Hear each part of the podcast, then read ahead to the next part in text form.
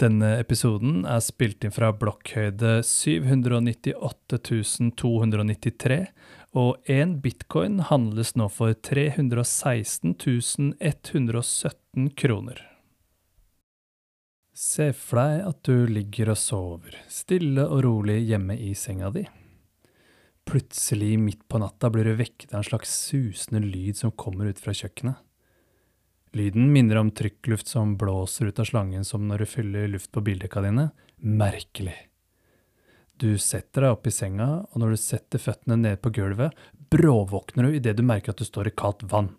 Adrenalinet kicker inn, og du løper ut gjennom stua frem til kjøkkenet, og der ser du vannet fosse ut av kjøkkenbenken som en liten bekk. Shit, tenker du, hovedkrana!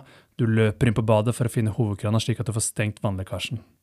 I en liten luke på veggen ved siden av toalettet vet du at den gamle hovedkranen sitter, og du skynder deg å åpne den. På badet er gulvet tørt og varmt fordi dørterskelen holder vannet i resten av leiligheten ute, dessverre. Du ser en gammel ventil med et rødt ratt som du prøver å skru på, men den rikker seg ikke samme hvor hardt du tar i. Faen, tenker du. I alt stresset løper du ut i gangen og åpner døra ut mot oppgangen i håp om å finne en stengekran nede i kjelleren. Vannet renner bare så altfor enkelt ut etter deg og videre ned i trappeoppgangen. I kjelleren er alle dører låst, og du klarer ikke å tenke klart. Kroppen føles bare panisk, og beina skjelver under deg. Brannvesenet, tenker du, og løper opp i leiligheten, finner telefonen din og ringer 110. Vannet fortsetter å fosse i 20 minutter til, før du plutselig bare gir seg. Helt som om ingenting har skjedd, så slutter bekken å renne ut av kjøkkenskapet. Karene i brannvesenet har stengt hovedkrana ute i gata og har nå kommet inn for å kartlegge situasjonen. Beina dine skjelver fortsatt, og mange av naboene dine har også våknet og kommet ut i oppgangen for å finne ut hva som skjer. En brannmann sier, Du må ringe rørlegger, vi kan ikke la alt vannet være avslått for lenge, alle andre kan ikke være uten mulighet til å bruke vann og avløp, dessverre. Du googler rørlegger og finner en som har utrykningsvakt. Hei, har du mulighet til å komme med en gang, spør du. Det er greit, jeg kaster meg bilen, så er jeg der om 20, sier rørleggeren. Rørleggeren dukker opp, og du har rukket å få på deg noen klær. Brannvesenet har satt inn lensepumper i kjelleren og inne i leiligheten. Det er viktig å få tørket opp alt vannet så raskt som mulig. Etter å ha sjekket den gamle hovedkrana på badet ditt, sier rørleggeren. Her må vi skjære opp hele veggen og få bytta ut den gamle stengekrana di. Den har irra helt fast og klarer ikke å stenge lenger. Det er et ganske vanlig problem på hovedkraner, og det er mulig at du må pusse opp hele badet for å få bytta det som trengs. Ok, selvfølgelig, vi, vi må jo bare fikse det som må fikses, sier du. Og akkurat her skjer det som er interessant. Kunnskapshullet kommer til syne. Et problem oppsto, i dette eksempelet en vannlekkasje, og der du selv ikke klarte å løse problemet, måtte du tilkalle ekstern hjelp. Det ble raskt tydelig for deg at dette har ikke kunnskap nok om til å kunne løse alene, og derfor ble det ekstremt enkelt å akseptere hjelpen som kom til unnsetning, faktisk ganske betryggende. I livene våre har vi tusenvis av disse kunnskapshullene med oss hver dag uten at det skaper store problemer eller begrenser dagliglivet vårt. Det er faktisk ganske viktig at vi ikke hele tiden går og tenker på alt som kan gå galt, og alt vi ikke kan. Det betyr dessverre også at vi er lettere utsatt for utnyttelse og misbruk. Når rørleggeren i dette eksempelet sier at du muligens må pusse opp hele badet for å løse problemet, er det enkelt å akseptere løsningen fordi du ikke har nok kunnskap om problemstillingen fra starten av. Eller når bilmekanikeren sier at bærekulene er slitte og må skiftes når du bare skulle bytte bremser. Eksemplene er mange, men heldigvis ikke noe vi møter på altfor ofte. Der kunnskapshullene våre kommer til syne, fylles de ofte av tillit til at andre vil oss vel og hjelper oss med å løse problemene våre. Samfunnet vårt er basert på arbeidsdeling. Der kan jeg fokusere på å være rørlegger, fordi en annen kan fokusere på å være lege. At vi har strukturert oss sånn, har gjort at vi har kunnet bygge komplekse og avanserte samfunn der vi kan huse store menneskegrupper og dekke deres grunnleggende behov. Samtidig kommer ikke det uten en kostnad, og som sagt så er et av de kunnskapshull. Det er en fin balanse mellom ansvar og tillit, og som krever at du må sjekke deg selv av og til. Kan du alt? Vet du alt? Vet du nok? Er du kritisk, og kan du ta feil? Mitt navn er Andreas Harding, og velkommen til 21 tanker, der vi i dag skal snakke om et av de største kunnskapshullene de fleste i dagens samfunn har, at pengene våre ikke fungerer lenger.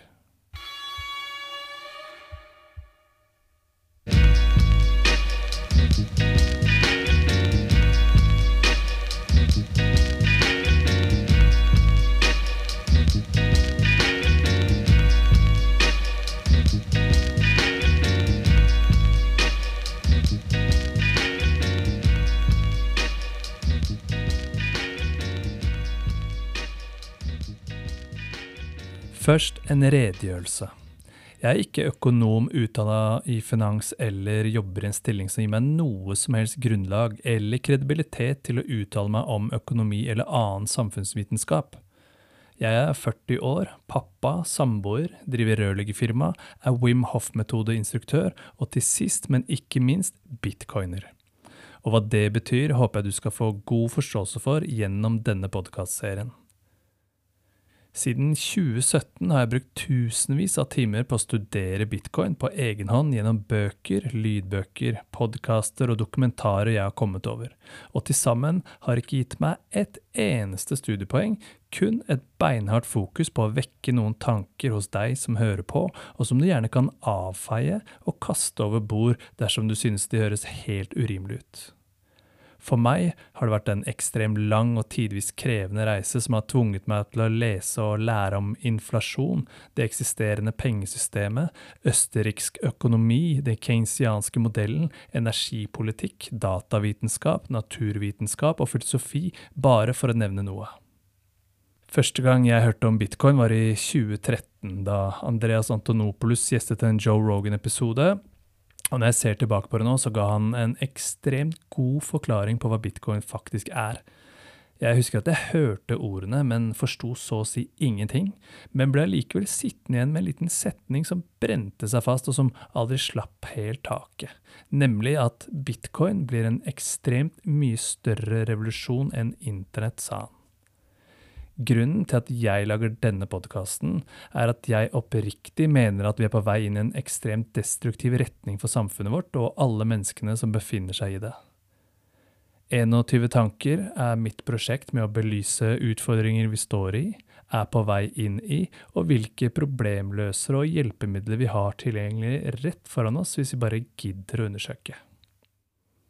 Prosjektet starta i fjor som en litt sånn humorbasert podkast som endte opp i en innspilling på ca. en time, men ved ettertanke så, så jeg at det passa meg ikke å vinkle det slik lenger, og episoden ble aldri, og kommer aldri til å bli gitt ut. Gjennom denne podkasten ønsker jeg å snakke om mange forskjellige temaer jeg syns er viktig, og jeg håper å få til gode samtaler med folk som er relevante innenfor de forskjellige temaene. Den røde tråden for meg er naturligvis bitcoin, og derfor navnet 21 tanker. Det refererer til bitcoins absolutte tak på 21 millioner bitcoin tilgjengelig herfra og til evig tid, eller absolutt matematisk knapphet også kalt Get Quick Rich Scheme, til månen å kjøpe Lamborghini Coin, samvittighetsløst pyramidespill, tidenes ponzi, utnytt i fattigcash, rottegift, psykopatpenger, global oppvarmingsstrømtyv, og slik kan man fortsette til det uendelige. Og slik som jeg avfeide bitcoin første gang jeg hørte om det, avfeier du det kanskje akkurat nå. Kanskje er du nysgjerrig? Kanskje har du faktisk begynt å kjenne på kroppen hvordan ting bare blir dyrere og dyrere? Kanskje har du allerede begynt å spare i bitcoin, og kanskje er du i fritt fall ned i det berømte bitcoin-kaninhullet der ting virkelig begynner å få mening på en annen måte. Uansett, velkommen skal du være. Historien du hørte i innledningen, er faktisk inspirert av en jobb jeg hadde for ikke så lenge siden. Der var det et varmtvannsrør som røyk tvert av på et kjøkken i en blokk i Oslo sentrum midt på natta. Og Der ble kunden ganske stressa i en situasjon han hadde null kontroll over. Og som jeg nevnte, her kommer kunnskapshullet til syne. Men jeg er en samvittighetsfull fyr, og kunden fikk en riktig løsning og til riktig pris. Jeg håper han ringer meg igjen, for det er sånn jeg kan få flere jobber ved hjelp av tillit. Norge er et av landene i verden som scorer høyest på tillit. Både tillit til staten, tillit til systemet og tillit til autoriteter. Men hva hvis denne tilliten er ufortjent når det kommer til pengene våre og selve pengesystemet? Påstanden pengene våre fungerer ikke lenger. Ja, de nasjonale romantiske kronene våre med alle dens vakre motiver og alle de flotte, rene, sunne norskproduserte produktene de kan kjøpe oss, ja, de fungerer faktisk ikke særlig bra lenger. Da jeg var liten, fantes det sparebanker som ga oss barna en sparegris vi kunne spare mynter i, og når den ble full, dro vi til banken og satte inn pengene og fikk med oss en sparebok med saldoen hjem. Husker du det? Kanskje ikke. Det er ikke så mange som sparer på verken sparegris eller sparebok lenger. Pengene våre mister jo kjøpekraften i rekordfart. De som faktisk er ganske flinke til å spare norske kroner, er barna våre. De har ofte egne kontoer som besteforeldre og tanter og onkler setter inn penger til jul og bursdag på, dessverre. Tenk deg det, at de som ikke aner hva penger er, er de som faktisk holder norske kroner over tid, helt til de gjerne har fylt 18 år. Og der kjøpekraften har blitt sugd ut som et badekar som lekker i løpet av åra som har gått. For hva skjer når vi har begrensede ressurser som olje, stål, korn, eiendom osv., og, så og staten øker pengemengden? Hva skjer når flere penger jager de samme begrensede ressursene vi har tilgang på? Ja, du tenker riktig, resultatet er at pengene mister kjøpekrafta si, og ting blir dyrere. Huset ditt blir ikke mer verdt, pengene mister kjøpekraften sin. Kroneisen din blir ikke mer verdt, tikroningen strekker ikke til lenger, og du må ha to eller kanskje tre av dem. Har du gitt barna dine bursdagsgaver til 4000-5000 kroner noen gang? Det er ikke helt uvanlig lenger, men for 20 år siden hadde det vært totalt uaktuelt. I jobben min som rørlegger så har jeg noen av Norges rikeste mennesker som kunder, både kjente og ukjente, og før min reise inn i å forstå penger og bitcoin, så husker jeg godt en jobb jeg hadde. Det er nok 12-13 år siden nå. Jeg skulle bytte toalett og savant hos en kunde, og så hadde jeg noen spørsmål om plassering som jeg trengte svar på. Eiendommen var sinnssykt stor, og det gikk sikkert 30-40 av min leilighet inn i denne mannens hovedbolig. Jeg jobba i underetasjen og visste ikke helt hvor kunden satt, så jeg ropte høflig opp mot gangen i håp om å få kontakt. Og da kom det ned en kar og sa at jeg måtte ta alt med han, fordi kunden min tjente tre millioner kroner i timen og hadde ikke tid til å snakke med meg. Ja, det er faktisk sant. Og omgjort i dag så ville det vært nesten 6 millioner kroner i timen. Plasseringen av Dassovask ble kjapt avklart, og jeg ble overlatt til å fortsette jobben min. Da slo tanken ganske hardt innover meg. Hva er det denne mannen har skjønt som jeg ikke har skjønt? Vi bor i samme land og bruker de samme pengene, men han tjener 3 millioner kroner i timen, og jeg tjener 230 kroner i timen. Jeg tror det var her undringen min startet når det kom til økonomi og penger. Her gikk jeg og følte at jeg sleit i stykker kroppen som håndverker, og at jeg satt igjen med ekstremt lite, målt i forhold til denne mannen, selvfølgelig. Vi hadde jo kun 24 timer i døgnet til rådighet, begge to. Et stort hopp forover til nåtiden, så forstår jeg hvorfor. Hvorfor han tjener 3 millioner kroner i timen, hvordan han kan tjene 3 millioner kroner i timen. Jeg kjenner han ikke personlig, men én ting er sikkert. Han vet hvordan pengene våre fungerer, hvordan de ikke fungerer, hvordan han skal beskytte seg mot inflasjon, hvordan han skal bruke inflasjon til å betjene sin egen gjeld, hvordan han målrettet kan bygge seg opp økonomiske muskler som igjen resulterer i politisk påvirkningskraft, og hvordan det å befinne seg nærme de nyskapte pengene kan gjøre deg til milliardær boende bare et steinkast unna minstepensjonister. Det var en gang penger bare var penger, og det var en gang penger var masse forskjellig. Det var en gang penger slutta å bare være penger, men ble et politisk verktøy under et monopol fra en konge eller en stat. Å svare på hva penger er, er ikke alltid lett, men penger må ha noen egenskaper som gjør at de fungerer godt som penger, og her er noen. Nummer én byttemiddel. Penger er byttemiddelet som representerer en transaksjon for en vare eller tjeneste mennesker imellom. Det er enklere å bytte penger enn å prøve å regne ut hvor mange kuer du må ha med deg for å kjøpe et hotell i Bjørvika. Gjennom i historien så har mennesker brukt mange forskjellige ting som penger. Det har vært glassperler, steiner, metaller, keramikk, papirer osv. Felles for de fleste var at, var at de var vanskelig å fremskaffe i den gitte tidsperioden. Når mennesker vokser i grupper som strekker seg ut over sin egen familie, så lager menneskene penger. Helt av seg selv, uten en stat eller myndighet. Se på barn i barnehagen lager penger av blader, klosser eller Pokémon-kort som de bytter for varer i butikken de har satt opp i sandkassa. Penger som byttemiddel forenkler og effektiviserer den økonomiske kommunikasjonen menneskene imellom. Nummer to sikkerhet. Pengene bør være vanskelig, eller aller helst umulig, å forfalske. For hvis alle kan lage pengene som brukes i et samfunn, så ender pengene opp med å bli total verdiløse. Tenk hvis A4-ark med bokstaven P tegna med svart tusj var betalingsmiddelet. Bare ideen er helt idiotisk og totalt ubrukelig. Gull derimot ble oppdaget for tusenvis av år siden og er helt umulig å forfalske og det har antageligvis blitt verdsatt og muligens fungert som penger siden det første urmennesket snubla over, over, det ved en ren tilfeldighet. Våre norske kroner er antageligvis ganske vanskelig å forfalske, selv om det har blitt gjort, og er strengt beskyttet av lover og regler som skal hindre eller begrense forfalskning. Bitcoin er umulig å forfalske og beskyttet av bitcoins åpne kildekode som baserer seg på konsensus eller enighet i verdens sikreste datanettverk og beskyttet av de fysiske lovene, nemlig energi ved bruk av elektrisitet. Og siden du ikke kan forfalske elektrisitet og energi, så kan du heller ikke forfalske bitcoin. Nummer tre delbarhet. Pengene må kunne deles opp i forskjellige mindre enheter, slik at man kan kjøpe varer eller tjenester uten å måtte bruke hele den oppsparte beholdningen på en gang. Tenk deg hvis du skulle kjøpt et brød med gull, og det ikke spilte noen rolle om du betalte med ett gram eller en barre på tolv kilo. Et slikt samfunn ville rimelig kjapt fått noen passe misfornøyde innbyggere.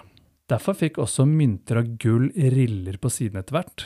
Man så at folk klippet litt av myntene, og størrelsen krympet over tid.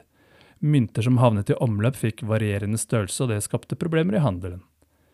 Gull er relativt delbart, men å handle med gullstøv blir nok litt knotete og upraktisk, for ikke å snakke om store transaksjoner med behov for tonnevis av gull. De norske kronene våre er også relativt delbare, selv om vi faktisk fortsatt praktiserer øreavrunding og stort sett må handle i hele kroner. Både 10- og 50-åringen er tatt ut av sirkulasjon. Bitcoin er digitalt og er derfor uendelig delbart.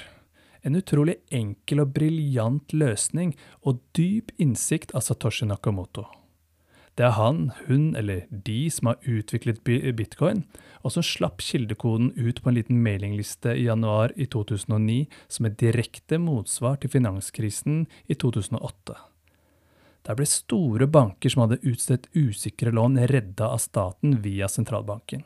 Og de som ble sittende igjen med regning for bailouten, var som vanlig den arbeidende middelklassen og de kommende generasjonene. Nummer fire fungibilitet. Pengene må være fungible. Det vil si at uh, pengene må være allment akseptert, og at penger fra Trondheim blir akseptert som penger i Oslo, og vice versa. Gull er gull og er helt likt uansett hvor det kommer fra i verden. Norske kroner er ganske fungible, men har også en ekstremt stor begrensning, nemlig landegrenser. Norske kroner kalles fiat-penger fra det latinske uttrykket 'la det skje', og alle penger som skapes i et pengepolitisk monopol uten en reell kostnad, kalles fiat. Det gjelder kroner, dollar, yen, euro osv. Fiat-penger er lite fungible, og det er ikke mange som vil akseptere norske kroner utenfor våre landegrenser. Det betyr samtidig at alle verdens forskjellige Fiat-penger også konkurrerer med hverandre, avhengig av landets pengepolitikk. noen ganger til fordel, men som oftest til ulempe for landets innbyggere. Som gull så er bitcoin 100% fungibelt, og bitcoin kjenner ingen landegrenser. Bitcoin med opprinnelse fra Astana i Kasakhstan er like allment akseptert som bitcoin minet på Hønefoss i Norge. En bitcoin består av 100 millioner mindre enheter som vi kaller satoshis, en slags øre i bitcoin-verdenen. Etter hvert som bitcoin-økonomien vokser, så kan vi også dele en satoshi til ytterligere mindre enheter dersom det skulle være behov for det. Og slik er bitcoin designet for å kunne håndtere en hel verdensøkonomi med mikro- og megatransaksjoner på tvers av grenser, politikk, status og manipulasjon. Nummer fem portabilitet. Pengene bør være portable eller flyttbare. Det betyr at pengene må kunne bytte hender eller sendes mellom menneskene som skal handle med hverandre, slik at de faktisk kan gjøre en transaksjon. Nå lever vi jo i større og større grad med virtuelle penger, og det betyr at vi hele tiden opererer med kreditt mennesker som sender penger seg imellom, og som benytter ulike banker og betalingssystemer, er avhengig av at banker gjør opp i sine hovedbøker og finner enighet mellom transaksjonene. Dette kan variere fra timer til dager til uker, avhengig av størrelsen på transaksjonen, landegrenser, politikk, lover og regler og alle mellomledd. Til tross for dette så er norske kroner ganske portable. Gull er tungt og derfor ekstremt lite portabelt. Det å bruke gull som penger i det daglige er ganske upraktisk pga. vekt og gullets fysiske egenskaper, og du vil hele tiden måtte dele opp metallet i enheter som kan betjene dine nødvendige transaksjoner.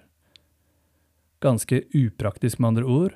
Eller tenk deg hvis vi noen gang skulle få en interplanetarisk økonomi, en økonomi bygget mellom måner og planeter der vil, der vil gull være totalt ubrukelig.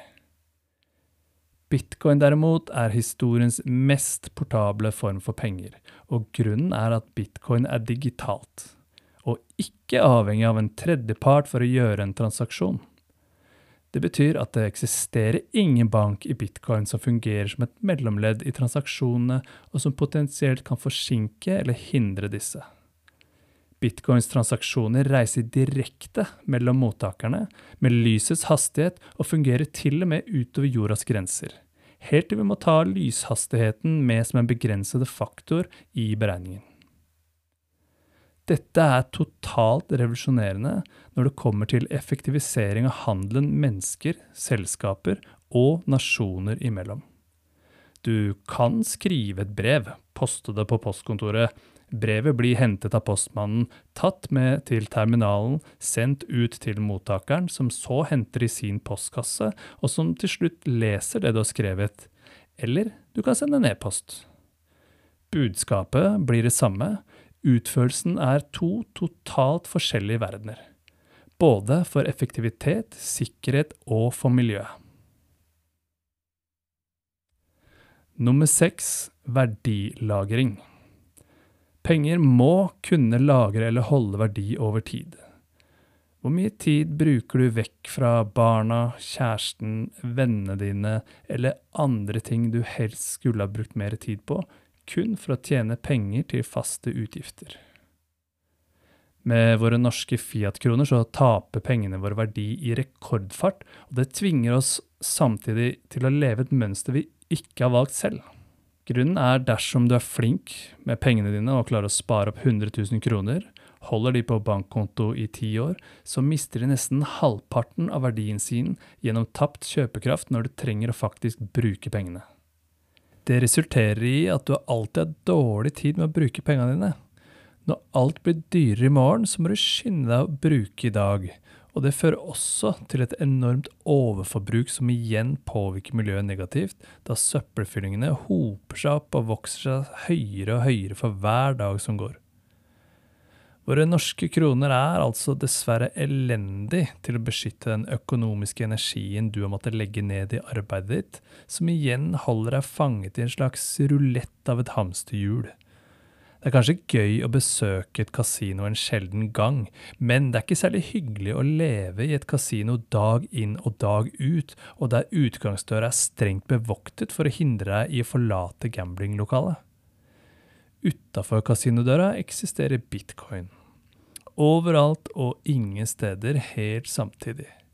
Bitcoin er et helt lukket, desentralisert økonomisk system, uten ledere, uten herskere eller andre som kan manipulere pengemengden. Det betyr at bitcoin som penger fungerer motsatt av dagens Fiat-pengesystem. Bitcoin er en deflasjonær penge som har et maksimalt antall tilgjengelige enheter på 21 millioner bitcoin uansett. Det betyr at når verden forstår verdien av å gå over til bitcoin som pengesystem, så må kronisten synke i pris for hver nye person som deltar i bitcoin-økonomien.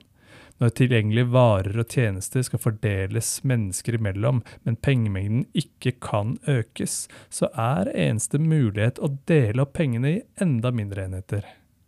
Du får altså mer for mindre etter hvert som tiden går. Og når pengene dine blir mer verdifulle over tid, så får du bedre tid til å vurdere pengebruken din. Og sparing vil igjen fungere og bli en motiverende faktor, og du vil ikke sløse med penger som stiger i verdi på ting du egentlig kan klare deg uten. Og du kan faktisk bestemme om du ønsker å jobbe mindre etter hvert som sparingen din vokser og du får kvitta deg med gjeld. Slik begynner søppelfyllingen å krympe etter hvert som vi rydder opp økonomien og sløseriet vårt. Det er ikke meninga at vi skal jages rundt i et pengesystem kun for å holde hodet over vann, og grunnen er at teknologi og innovasjon er hjelpemidler som øker levestandarden vår. Problemet er altså Fiat-pengene våre som ikke tillater oss å høste det fulle potensialet menneskelig innovasjon skaper. Bitcoin løser dette ved å beskytte verdien av menneskelig innovasjon, ved at ingen kan øke pengemengden. Nummer sju målenhet. Penger må kunne fungere som et måleinstrument for varer og tjenester. Norske kroner som måleenhet er i konstant forandring fordi mengden av penger som sirkulerer i økonomien, er noe som bestemmes politisk. Det betyr at vi kan aldri vite hvor mange norske kroner det vil eksistere neste år, om fem år eller de ti neste årene. Vi kan kun se tilbake i historien, og der ser vi at tendensen er en enorm økning i pengemengden for hvert tiår. Tenk hvis andre viktige målenheter ble politisk manipulert på denne måten. Tenk hvis én meter plutselig ble bestemt at skulle bestå av 135 enheter vi kjenner som centimeter den ene måneden, og plutselig 93 enheter den neste. Samfunnet ville ikke klart å henge med i sånne svingninger der så mye avhenger av sikre og faste konstanter. Penger er det økonomiske språket mennesker imellom, og betydningen av ord som blir sagt, bør ikke bety én ting den ene dagen og noe helt annet uka etter. Slik har det kun vært en brøkdel av menneskets eksistens opp gjennom historien, og noe vi i dagens moderne samfunn legger til grunn at må være akkurat sånn. Sånn trenger det absolutt ikke å være. Bitcoin er historiens sikreste konstant. Punktum. At bitcoin måles i kroner og dollar som går opp og ned som en berg-og-dal-bane, sier kun noe om verdien av Fiat-pengene, og at verden fortsatt ikke har forstått bitcoin. Med andre ord så sier det utrolig mye om hvor ekstremt tidlig ute vi er i adopsjonen av bitcoin, og det er utrolig interessant å se hvordan adopsjonen øker for hver dag som går. Til sammenligning så er vi helt i den spede begynnelsen hvis du ser hvordan internett vokste seg fram tidlig på 90-tallet. Bitcoin vil bli en større revolusjonerende teknologi enn internett, og vil være den største pådriveren for fred, frihet og rettferdighet blant jordas befolkning, uavhengig av religion, kjønn, politisk ståsted, legning eller etnisitet. Bitcoin er for alle og vokser seg opp fra grasrota gjennom asfalt og betong og rett inn i folks verdisyn. Men sluk det ikke rått fra meg en tilfeldig rørlegger. Studer bitcoin og gjør opp din egen mening, men som vi sier i bitcoin-verden, fikser vi pengene, så fikser vi verden. Ett steg av gangen. Det fortjener vi, du som jeg, ungene våre og alle som kommer etter oss. Det er utrolig mye man kan si om penger, så la oss ta det litt steg for steg, da. Stopp opp og tenk av og til, funder over påstandene og finn nye spørsmål for deg selv. 21 tanker er en podkast med plass til langt flere tanker, ideer og samtaler enn hva navnet tilsier, og jeg håper vi høres igjen i neste episode. Følg meg gjerne på Twitter og Instagram. Følg med videre, og takk for nå.